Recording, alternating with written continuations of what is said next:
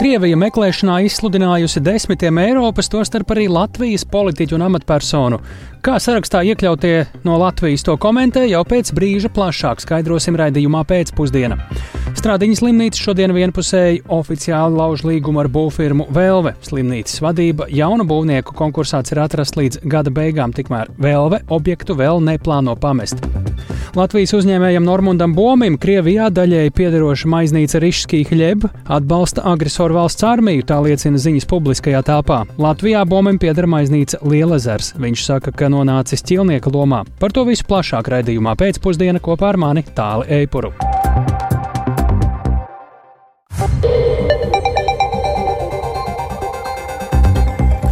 Pūkstens ir 16,5 minūtes, skan Latvijas radio ziņu dienas veidotā pēcpusdienas ziņu programma, skaidrojot šodienas svarīgus notikumus. Studijā Tālis Eipurs. Labdien!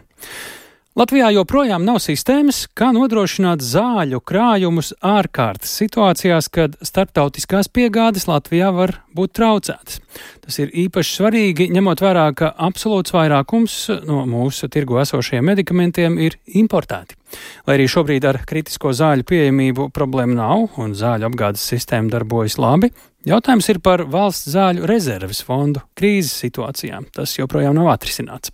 Par to šodien diskutē jomas eksperti un sarunām līdzi ir sekojusi Agnija Lāsdiņa. Agnija, kāda tad ir tā reālā situācija ar zāļu pieejamību šeit pie mums, ja pienāk x stunda? Uh, šobrīd aptuveni 40% zāļu Eiropas Savienībā tiek importētas, un, ja skatās uz Latviju, tad esam ļoti atkarīgi no importa. Proti 94% zāļu Latvijā nokļūst importa veidā, un tikai 6% saražojam šeit pat uz vietas. Un, uh, ja zāļu piegāde kādā posmā apraujas, tas ierobežo ār ārstus terapijas izvēlē, būtiski ietekmē sabiedrības veselību, veselības aprūpe valstī un pacientiem kļūst dārgāka, ir novēlota vai mazāk efektīva terapija pacientiem, notiek pacientu šķirošana, papildus slodze ārstiem un farmaceitiem un galvenokārt kritisko medikamentu trūkums rada dzīvības apdraudējumu.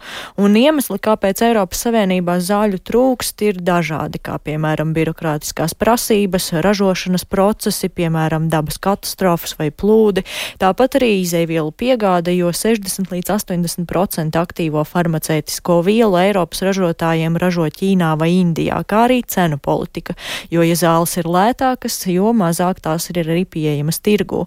Un kā skaidro Latvijas Nacionālās zāļu apgādes asociācijas valdes loceklis Jānis Līpķens, tad eh, importu īstermiņā visticamāk Latvijā nesamazinās, jo vietējiem ražotājiem vēl ir vajadzīgs laiks, lai paplašinātu ražošanu vietējām vajadzībām bet importa piegāžu pārāvumus gan esot iespējams mazināt ar vismaz trīs mēnešu medikamentu krājumiem. Un kopumā Latvijā ir 20 zāļu ražotāji, kas var un jau arī ražo dažāda veida medikamentus. Tas, kurš ir atkarīgs no importa, viņš ir atkarīgs no ārējiem apstākļiem. Viņš nav situācijas noteicējs. Līdz ar to, protams, kad vietējās ražošanas veicināšana tas ir politisks izšķiršanās solis. Un, ja valdība ir gatava atbalstīt vietējo ražošanu, tad tas ir tikai atbalstāms solis. No pacienta arī no nozares viedokļa ļoti atbalstāms solis. Tāpat Līpķins norāda, ka Latvijā šobrīd ir izveidota efektīva un funkcionējoša sistēma zāļu apgādēji ikdienas vajadzībām, taču krīzēm valstiskā līmenī tā nav gatava. Turklāt Covid-19 pandēmija esot pierādījusi, ka valsts nav gatava profesionāli un operatīvi risināt šos jautājumus. Un kā liecina Latvijas veselības aprūpes speciālistu un farmaceitu vidū veiktās aptaujas dati, tad tikai 9% no nozarē strādājošajiem pēdējo četru gadu laikā uh, darb, ir bijuši visi darbam nepieciešamie medikamenti. Un uh, galvenais iemesls esot atkarība no importa un uh, visbiežāk trūkstot antibiotiku, sirds un asinsvadu slimību un preddiabēta medikamentu.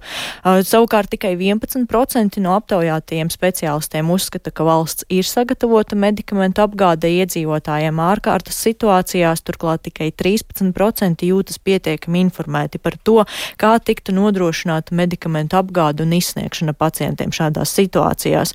Un lielākā daļa mediķu un farmaceitu uzskata, ka Latvijai būtu jāveido valsts zāļu re rezerves fonds. Bet, eh, kā skaidro veselības ministrijas nozares krīzes vadības nodaļas vadītājs Juris Raudovs, šobrīd notiekot intensīvs darbs sadarbībā ar farmācijas nozari un lieltirgotavām, jo ir izveidots kritisko zāļu saraksts, lai tad saprastu, kas ir nepieciešams x stundai un kā tās izvietot un saglabāt. Ja runājam par šo te zāļu pastāvīgu vai neatkarīgu no trešajām valstīm un savas nozares ietvaros eh, ražotu, jā, par to tiek runāts Eiropas Savienībā un strādā pie tā, lai katra valsts būtu neatkarīga šajās krīzes situācijās, ja vien tāda iespēja pastāv, neatkarīgi no trešajām valstīm šīs te zāļu ražošanas iespējās. Un tiek strādāt arī pie tā, lai grozītu normatīvos aktus, Medikamentu pieejamība patiesi ir Eiropas Savienības prioritāte. Pērn Eiropas komisija un Eiropas zāļu aģentūra apstiprināja Eiropas Savienības kritiski svarīgo 200 zāļu sarakstu, uzsvarot to piegāžu nepārtrauktību. Tāpat arī Eiropas komisija publicēja ziņojumu, ka medikamentu fiziskā pieejamība iegūst ar vien lielāku aktualitāti un valstīm arī nacionālā līmenī ir jāmeklē risinājumi pietiekumu krājumu izveidē, lai nodrošinātu iedzīvotājiem nepārtrauktu zāļu pieejamību. Taču, ja runājam iedzīvotāju, iedzīvotāju līmenī, tad gatavojoties x stundai nevajag iepirkt lielu daudzumu zāļu, jo tām ir gan derīguma termiņš, gan arī vienkārši tas, to nav vajadzības darīt. Un uh, nozares pārstāvi iesaka vien glabāt svarīgāko, kam mājās vienmēr esot jābūt, piemēram, pārsienamie materiāli, līdzekļi, ar ko apstrādāt brūces, pretsāpju un temperatūras samazināšanas medikamenti, un arī, protams, attiecīgi cilvēkiem ar hroniskām saslimšanām ir jābūt tām zālēm, kas viņiem ir nepieciešamas. Paldies! Šis ir stāsts, kas noteikti tiks uzturēts vēl aktuāls līdz tiks piedāvāt reāli risinājumi. Paldies, sakām Agnijai Lazdiņai un pievēršamies nākamajiem tematiem šeit raidījumā pēcpusdiena. No arī vairākiem desmitiem Latvijas politiķu ceļošana ārpus Eiropas Savienības un NATO valstīm varētu nebūt pietiekami droša. Kopš Krievijas pilna mēroga iebrukuma Ukrainā agresoru valsts varas iestādes ir izsludinājušas meklēšanā simtiem ārvalstnieku. Viņu vidū tagad arī desmitiem Eiropas, tostarp arī Latvijas politiķu un amatpersonu. Pie šāda secinājuma, apkopojot Krievijas iekšlietu ministrijas datubāzē esošo informāciju, nonācis Krievijas neatkarīgais tīmekļa izdevums Mediazona. Tāpat vietnes žurnālisti atklājuši, ka meklēšanā ir izsludinātas daudzas augsta ranga Ukrainas militāra personas, kā arī Ukrainas bruņotajos spēkos dienoši ārzemnieki. Vairāk Rustams Šukurovs. 2020. gada rudenī Krievijas izmeklēšanas komitejas vadītājs Aleksandrs Bastrikins izveidoja īpašu denefikācijas nodaļu, kuras mērķis bijis ar nacisma rehabilitāciju un vēstures sagrozīšanu saistīto noziegumu izmeklēšana. Sākotnēji jaunizveidotā nodeļa nodarbojās ar maznozīmīgām lietām, meklējot tos, kas propagandas akcijas Nemirstīgais pulks tīmekļa vietnē bija ievietojuši nacistiskās Vācijas vadoņa Adolfa Hitlera attēlu, vai neveiksmīgi mēģinot pirms otrā pasaules kara Jekaterinburgā celtā lidostas termināļa nojaukšanu inkriminēt kā nacisma rehabilitāciju. Viss mainījās sākoties Krievijas pilna mēroga iebrukumam Ukrainā. Kremļa bieži piesauktā denacifikācija kļuva par vienu no iebrukuma ieganstiem, un Bastrikina izveidotajai nodaļai parādījās daudz darba. Jau 2022. gada martā parādījās lieta pret ukraiņu žurnālistu Dmitriju Gordonu, un nodaļas telegram vietnes kanālā teju katru nedēļu sāka parādīties paziņojumi presē par tās cīņu pret nacismu. Izpētot Krievijas iekšlietu ministrijas meklēšanā esošo personu datubāzi, Mediazona noskaidrojusi, ka denacifikācijas nodaļas darbības rezultātā ierosināti simtiem kriminālu lietu pret ārvalstniekiem, kas visticamāk nekad nespers savu kāju Krievijā. Tā 2022. gada maijā Krievijas izmeklēšanas komiteja paziņoja, ka pēc Bastrikina norādījuma izmeklētāji izvērtēs saimas rīcību saistībā ar balsojumu par izstāšanos no līguma ar Krieviju par pieminekļu saglabāšanu. Tas ļāva demontēt padomju pieminekļus Latvijā, tostarp pieminekli uzvaras parkā Pārdaugavā. Vēlāk augustā Krievijas izmeklēšanas komiteja paziņoja, ka ierosināta lieta par apbedījumu iznīcināšanu taču tobrīd nebija zināms, kuras personas izmeklētāji iecerējuši saukt tiesas priekšā. Tagad mediazona noskaidrojusi, ka meklēšanā izsludināti 59 no 68 saimas deputātiem, kas balsoja par izstāšanos no vienošanās par pieminekļiem. Neviens no partijas saskaņa deputātiem, kas bija izteikušies pret šo likumu, meklēšanā netika izsludināts.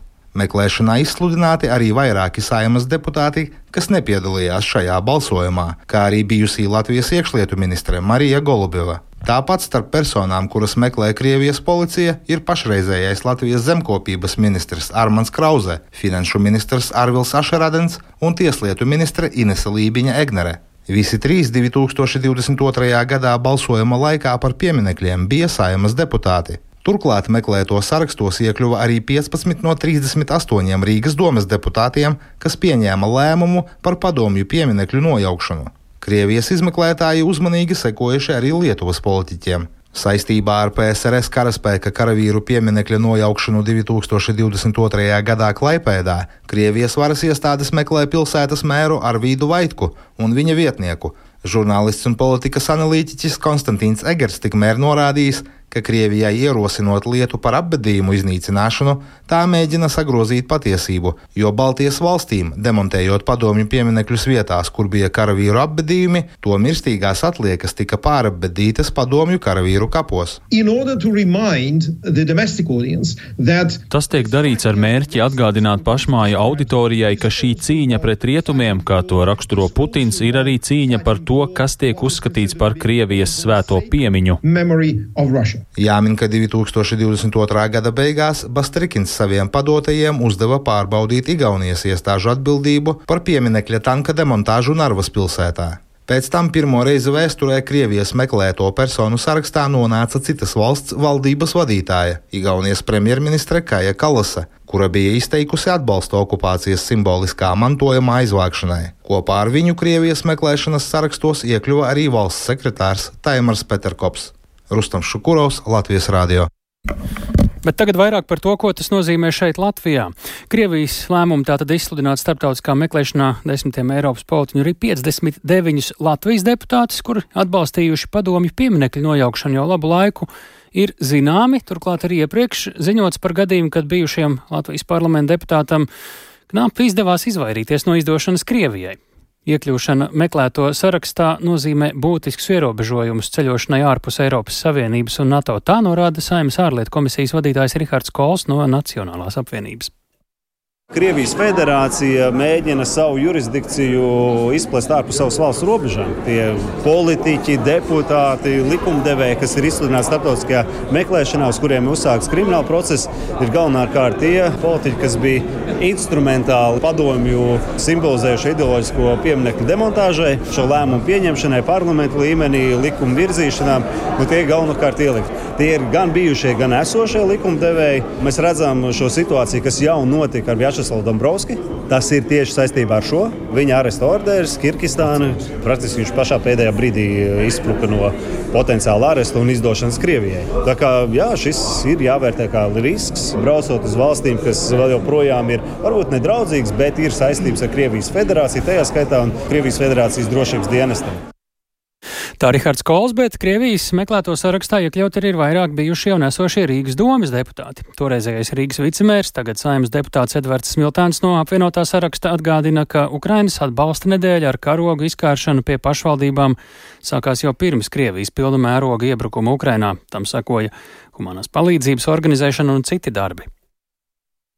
24. februārī sākās pilnmēroga iebrukums, un jau aprīlī es biju Kijevā ar autobusiem. Par to, ka es esmu kaut kādos sarakstos, es jau zināju, dodoties uz Ukrajinu jau aprīlī. Tad Krievijas pilnmēroga iebrukums Ukrajinā faktiski atslēdz tādu drosmi Latvijai pieņemt beidzot tos lēmumus, kur bija jāpieņem jau faktiski sen. Mans paraksts arī tika likts uz dokumentu, kas ienes darba kārtībā okupācijas pieminiektu nojaukšanas lēmumu Rīgas domē. Un, protams, ka tas nu, noteikti ir vēl viens papildus iemesls, kāpēc es te sarakstā atrodos. Jā. Tas nozīmē, to, ka došanās uz Eiropas Savienības dalību valstīm un uz NATO dalību valstīm ir pietiekami droša. Ja es ar ģimeni vēlētos doties kādā citā ceļojumā, visticamāk, lielākā daļa no valstīm ir slēgtas. Vai, teiksim tā, nu, drošība nevarētu tikt nodrošināta manai ģimenei. Sevišķi tām valstīm, kur ir šie izdošanas līgumi, divpusējie, nu, kur valsts vienojušās izdot cilvēkus. Tā ir Edvards Smiltēns par Krievijas uh, meklēto personu starptautiskā meklēšanā izsludināto personu sarakstu un Latvijas politiķu iekļaušanu tajā. Bet Latvijas uzņēmējam Normundam Bomim daļai piedroša maiznīca Riškī hļēb, jeb tulkojumā Rīgas maize, Krievijā atbalsta agresoru valsts armiju. Šāda Nepatīkama informācija parādījusies publiskajā telpā. Internetā izplatītā video redzams, kā Krievijas armijas desantnieki saka paldies uzņēmumam Rišskī Hļeb par atbalstu. Tas jau ir izraisījis sašutumu, un daļa Latvijas iedzīvotāju aicina nepirkt bomim piedarošās maiznīcas lielzars maizi. Situāciju un iespējamos risinājumus mums eh, šeit studijā ir gatava arī skaidrot kolēģi Sandra Dieziņa. Labdien! Labdien, tālāk! Jā, vispirms jāizstāsta šī stāsta vēsture. Lielezera saimnieks Normons Bomis savu cepto rišskī hļebu Maskavas pievārtē atvēra vairāk nekā pirms 15 gadiem ar mērķi paplašināt noieta tirgu. 2008. gadā Latvijas mēdī jau rakstīja par to, kā Normunda Bomja lolojums Riškī Hļeb izvēršas Krievijā, un ceptuve ar savu produkciju iekļuvusi prestižā veikalā Maskavā un sāks to tirgot arī Sanktpēterburgā. Tolaik Boms stāstīja, ka ceļš nav tik gluds kā iecerēts, proti viss atvēršanas process ievilcies un nepieciešams lielas investīcijas. Vēl iepriekš Bomam Krievijā bijis biznesa kokapstrādē, bet tas izrādījies neveiksmīgs.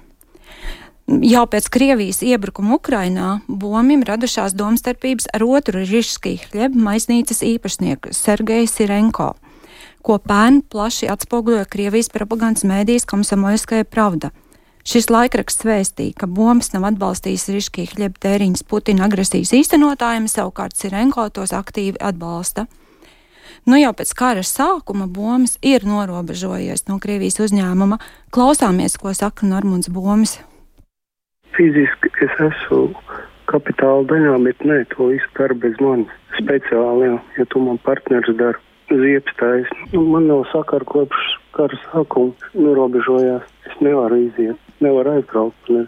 Liegums iebraukt Krievijā. Es starp tādiem akmeņiem kapitāla daļās es esmu. Izstāties es nevaru. Un Krievijas uzņēmumā teorētiski, viņiem prasa vietējā administrācija atbalstīt, viņiem tas ir jādara. Juridiski es nevaru izstāties beigsies karš, tad jau kaut ko darīs. Es mēģināju noskaidrot, vai ir bijuši līdzīgi gadījumi, kad Krievijā izveidots kopuzņēmums ar Krievijas partneriem un tagad kapitāla daļa īpašniekiem ir problēmas. Uzņēmuma reģistra pārstāvja man skaidroja, ka reģistram nav informācijas par tiem uzņēmumiem, kas reģistrēti citās jurisdikcijās, piemēram, Krievijā. Eiropa virzoties uz vienotu sistēmu, eh, kad būtu jāapmainās ar informāciju, bet tas viss vēl esot procesā. Uzņēmuma reģistrs varot komentēt situāciju tikai par Latvijā reģistrētiem uzņēmumiem. Savukārt Latvijas pārtiks uzņēmuma federācijas vadība šo uzskata par juridiskas dabas jautājumu. Klausāmies federācijas padomjas priekšsēdētājs Inārs Šuris teikto. Tas ir individuāli par tādiem gadījumiem, principā pie mums negriežas, jo Jā. tie ir juridiski jautājumi, un katrs uzņēmums risina savā veidā, tāpēc man par to pat nav nekādu komentāru jo tas ir eh, jārisina individuāli, juridiski un rādot savu attieksmi. Jūs arī kā loģisks cilvēks taču pateiksiet, nu labi, un kādi varianti, vai to nevar veikt kaut kā digitāli, es nezinu, ja ir aizliegts iebraukt, nu tas ir tiešām individuāls risinājums. Tā bija Ināra Šura tāli. Pārtiks ražotāji, bet uh, Ko tad saka mūsu iestādes par šo gadījumu, jo sabiedrībā rezonance ir pietiekami liela, vai šeit tām ir kāda teikšana vai komentārs? Jā, es lūdzu skaidrojumu arī ārlietu ministrijai. Un ārlietu ministrijas preses sekretāra Diana Eglīte saka, situācija ar Normūnu Bomi ārlietu ministrijai ir zināma. Viņš informēs ārlietu ministrijas pārstāvu jau 2023. gada aprīlī par partneru Sirenko negodprātīgo rīcību, gan liegumu iebraukt Krievijas federācijā. Bomim tika ieteikts vienlaiks informēt arī Latvijas tiesību aizsardzības iestādes. Un ārlietu ministrija saka, ka uzņēmēja darbības vide Krievijā jau bija neparedzama un bīstama pirms Krievijas uzsāktās agresijas Ukrainā, bet pēc agresijas uzsākšanas ārvalstu uzņēmējiem savas tiesības pārstāvēt Krievijas federācijas tiesu un administratīvajās iestādēs un cerēt uz taisnīgiem lēmumiem ir vēl grūtāk, lai neteiktu neiespējami. Un ārlietu ministrija arī neiesaka Latvijas valsts piedarīgajiem ceļot uz Krieviju, pat ja tas ir saistīts ar vēlmi izvest sev piederošo kapitālu no Krievijas jo pastāv augsts provokācija risks un iespējas nodrošināt konsulāro palīdzību Latvijas valsts piedarīgiem Krievijā ir ierobežotas. Tāds eh, papildus atgādinājums vēl vispār kopumā tiem, kuri nodarbojas ar uzņēmējdarbību. Paldies, mēs sakām Sandrai Dieziņai, un eh, šobrīd pievēršamies uh, citiem Latvijas politiķiem. Eh, varbūt daļa no viņiem arī ir šajos Krievijas sarakstos, bet eh, Saimnes namā priekšpusdienā ir izlozēti Eiropas parlamenta vēlēšanu reģistrēto deputātu kandidātu sarakstu numuri. Kā ierasts, tad šis pasākums notika Saimnes nama sarkanajā zālē, un pirmais numurs tika partijai saskaņa, bet pēdējais 16. partijai stabilitāte. Izlozes noris un vēlēšanu kandidātu secinājumus par izlozētajiem numuriem Klausāmies Jāņa Kīņša sagatavotajā ierakstā. Šodien tiks izlozēti kārtas numuri jūsu finansējumu šajās politiskajās sacensībās. Centrālās vēlēšana komisijas vadītāja Kristīna Saulīta sākumā paskaidro kandidātu kārtas numuru izlozi. Tā noritēja itin raiti. Vēlēšana dalībnieku sarakstu pārstāvji pa vienam vai pa diviem nāca tādā kārtībā, kā sarakstus reģistrēja Centrālajā vēlēšana komisijā. Uz galda ir 16 apzīmogotas aploksnes, un kandidāti izvēlējās vienu un atklāja izlozēto. Sociāldemokrātiska partija saskaņa startēs Eiropas parlamenta vēlēšanās ar numuru 1. Ar otro numuru jaunā konservatīvā partija, ar trešo Nacionāla apvienība, ceturto Latviju pirmajā vietā. Tiem seko Latvijas attīstībai, centra partija, apvienība jaunatvieši. Astotais numurs apvienotiem sarakstam, kam seko progresīvie, tautas varas spēks, kustība par. 12. numurs sarakstam suverēnā vara, tam seko saraksts tauta, zeme valsts, zaļo un zemnieku savienība, jaunā vienotība un visbeidzot 16. numurs partijai stabilitātei. Eiropas parlamenta vēlēšana iecirkņos tieši šādās secībā būs sakārtotas vēlēšanu zīmes. Kandidāti uz izlozes rezultātiem reaģēja dažādi, lielākoties skaitlim tomēr pārāk lielu uzmanību nepievēršot. Lūk, ko teica politikā daudz pieredzējušie Aleksandrs Kirstēns no saraksta Tauta Zeme valsts un Jānis Rērs no Jaunās vienotības. Tauta Zeme valsts nevērtē lielu nozīmi numuram, jo šis mums nav sprints, bet maratons. Te būs daudz numuru, ko mēs vēl izjūsim. Pieredze rāda, ka svarīgāk ir tie padarītie darbi. Un, eh, es domāju, jebkurā veidā, jebkurā numurā būtu ļoti izdevīgi un eh, labi startot ar eh, valsts priekšlikumu. Svarīgāk par kārtas numuru vēlēšanu sarakstā ir visu Eiropas parlamentā ievēlēto Latvijas pārstāvju spēju sadarboties, bet vēl pirms tam veicināt aktivitāti šajās vēlēšanās. Tā savukārt norādīja apvienotā saraksta komandas līderis Reinis Pozņaks, kurš vēlēšanās piedalīsies pirmo reizi. Konkurence ir, ir laba. Es uh, ceru, ka tiks gan pieredzējuši, gan jauns balss. Galvenais ir, lai pēc tam visi kopā spētu darboties Latvijas interesēs. Ceru un man liekas, ka tas ir viens no visu kandidātu galvenajiem uzdevumiem. Šoreiz nu, mobilizēt vēlētājus, lai atnāk. Jo nu, tā puspajokam varētu teikt, ka šie pieci gadi ir Eiropā manuprāt, izšķiroši. Un uz šīm vēlēšanām ir jāatnāk, lai mierīgi varētu nenākt atkal uz nākamajām. Par deviņām Latvijai Eiropas parlamentā paredzētajām vietām cīnīsies 272 kandidāti no 16 politisko spēku sarakstiem. Arī pirms pieciem gadiem Eiropas parlamenta vēlēšanās Latvijā piedalījās 16 politiskie spēki, no kuriem ievēlēja piecu sarakstu pārstāvjus. Kopš sestdienas ir sācies priekšvēlēšana aģitācijas periods. Tas ilgs līdz Eiropas parlamenta vēlēšanu dienai, 8. jūnijam. Šajā laikā korupcijas novēršanas un apkarošanas birojas uzraudzīs, vai tīmeklī un publiskās vietās nav partiju slēpto reklāmu un vai ievēroti citi priekšvēlēšana laika ierobežojumi. Pretendentu atbilstību likuma prasībām vēl pārbaudīs kompetentās iestādes. Jānis Kincis, Latvijas Radio. Bet kāds būs Rīgas krematorijas turpmākais liktenis, zinot, ka vajadzīgs remonts un beidzas līgums ar nomnieku, un kad beidzot sporta organizācijas saņems šim gadam atvēlēto valsts naudu? Šie un citi temati raidījumā pēcpusdiena turpmākajās minūtēs.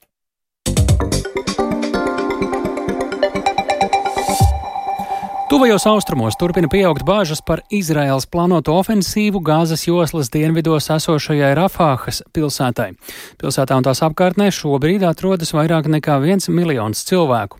Izraela rosina evakuēt cilvēkus uz telšu nometnēm, aicinot evakuācijā palīdzēt arī ANO organizācijām.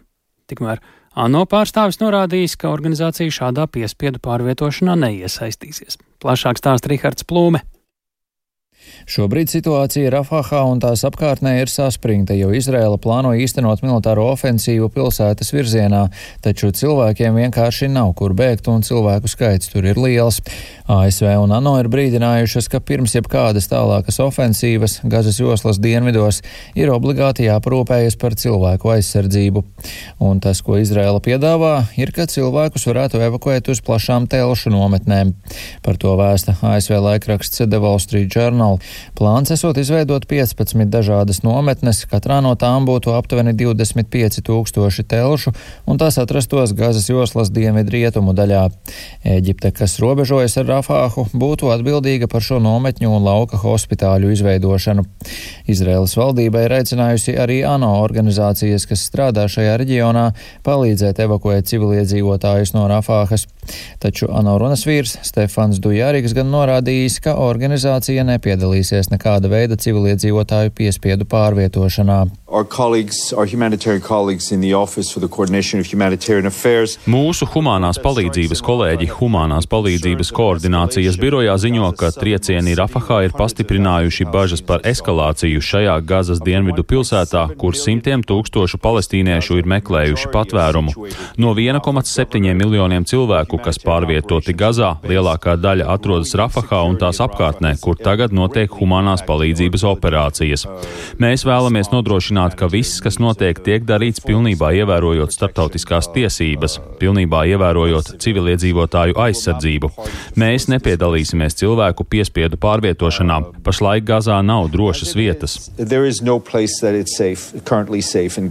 No Vēl jāpiemina, ka ANO aģentūras un arī teroristiskais grupējums Hamas vērsis uzmanību uz to, ka ja Izraela īstenos šo militāro ofensīvu Rafāhai, tās rezultātā bojā var iet vairāki desmiti tūkstoši cilvēku. Tikmēr turpinās sarunas par pamieru Gazas joslā, kurās starpniece ir Katara, Eģipte un arī ASV. Un šodien Savienoto valstu centrālās izlūkošanas pārvaldes direktors Viljams Bērns Kairā ieradies uz jaunu sarunu raundu pamiera jautājumos, bet vakar Baltajā namā tā saimnieks Džo Baidens tikās ar Jordānijas karali Abdulu II un norādīja, ka šobrīd tiek pieliktas pūles, lai panāktu vismaz sešu nedēļu pamieru Gazas joslā. The United States is working on a hostage deal Amerikas Savienotās valstis strādā pie ķilnieku vienošanās starp Izraēlu un Hamas, kas nodrošinātu tūlītēju un ilgstošu miera periodu Gazā vismaz sešas nedēļas, ko mēs varētu atvēlēt, lai izveidotu kaut ko noturīgāku. Karš sagādā ne tikai ciešanas, bet tas atstāja sekas arī uz ekonomiku. Un Startautiskais valūtas fonds un Pasaules banka ir brīdinājušas, ka karš Gazas joslā un ar to saistītie uzbrukumi kravas kuģiem Sarkanajā jūrā rada draudus pasaules pasaules ekonomikai.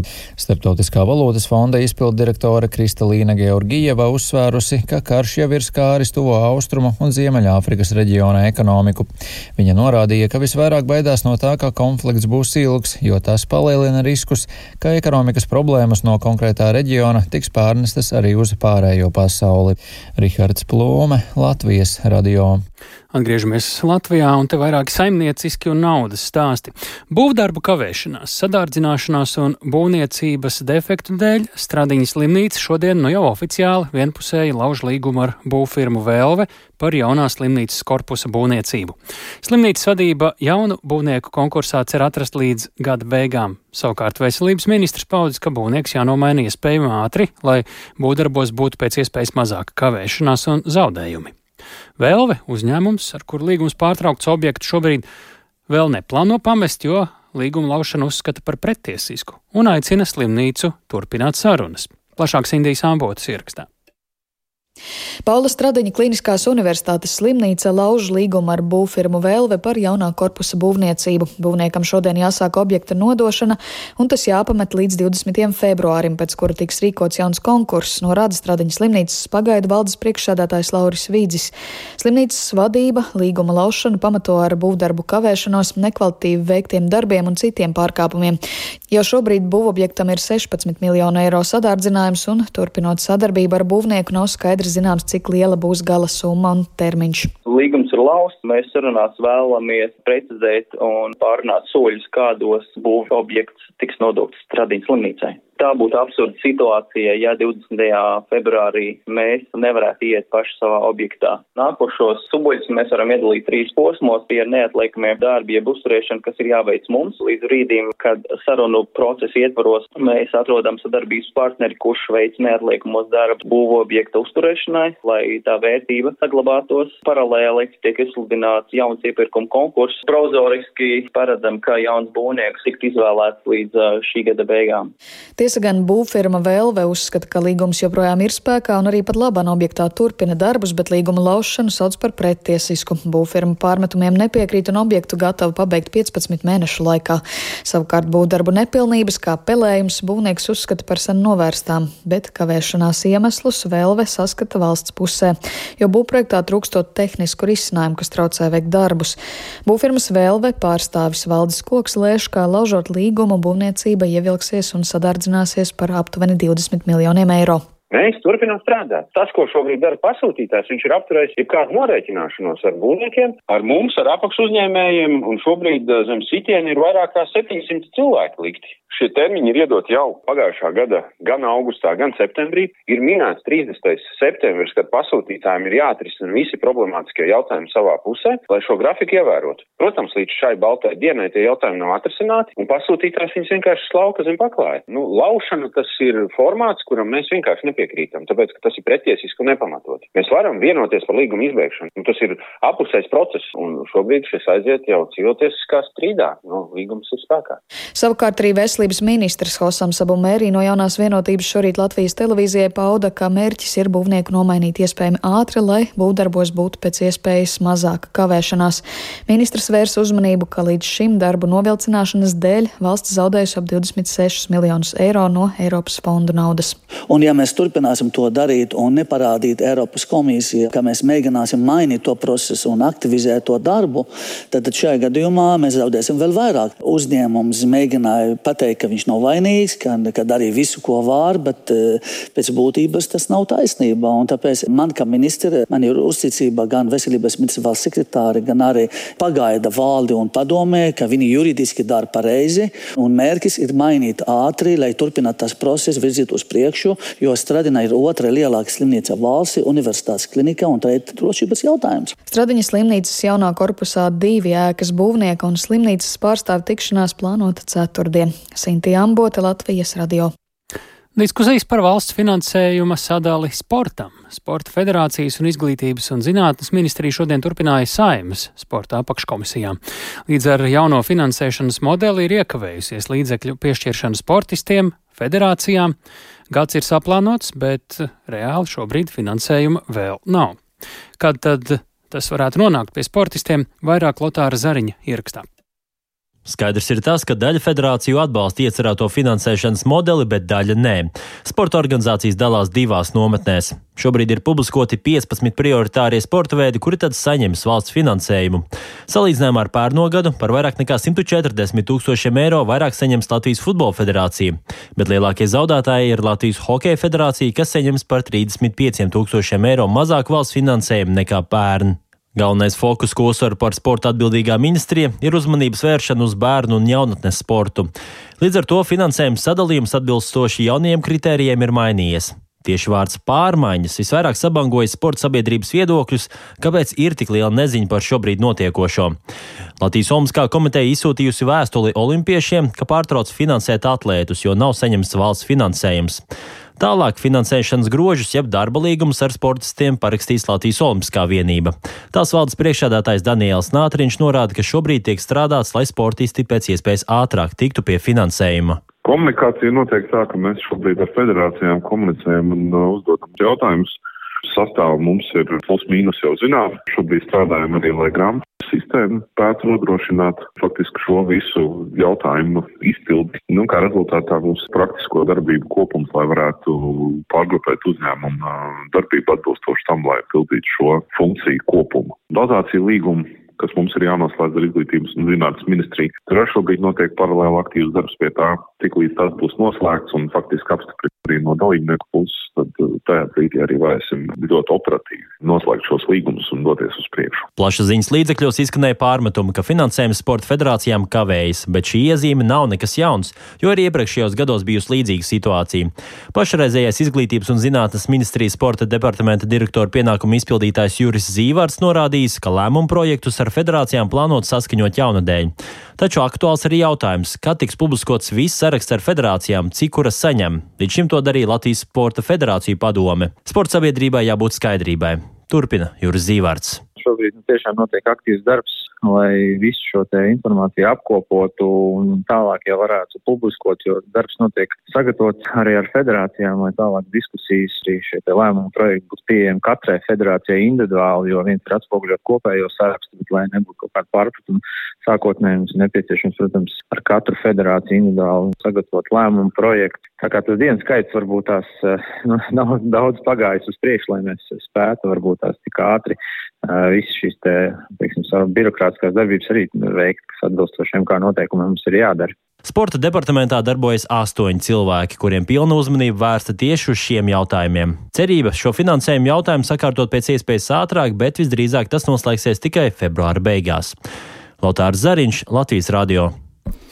Ja pirmīt runājam par Stradiņas slimnīcu, tad tagad par vēl vienu objektu, kurš piedara valstī, precīzāk pašvaldībai, Rīgas krematorijas krāsnī ir vajadzīgs nopietns remonts. Tiesa ar ēkas nomnieku pašvaldībai šovasar jābeidz līgumam. Kāds tad būs ēkas tālākais liktenis? Domas noliktais konsultants saredz piecus krematorijas izmantošanas scenārijus, un šodien tad domas atbildīgās komitejas sēdē deputāti balsoja par ēkas turpmāko izmantošanu. Vairāk ir gatavs stāstīt kolēģis Viktors Demīdovs. Viktor, pastāstīja, kuru no šiem variantiem vai vēl kādu citu tad izvēlējās deputāti?